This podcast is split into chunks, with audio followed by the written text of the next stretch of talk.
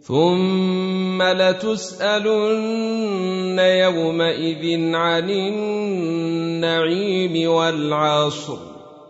إن الإنسان لفي خسر. إلا الذين آمنوا وعملوا الصالحات وتواصوا بالحق وتواصوا بالصبر. ويل لكل همزة لمزة.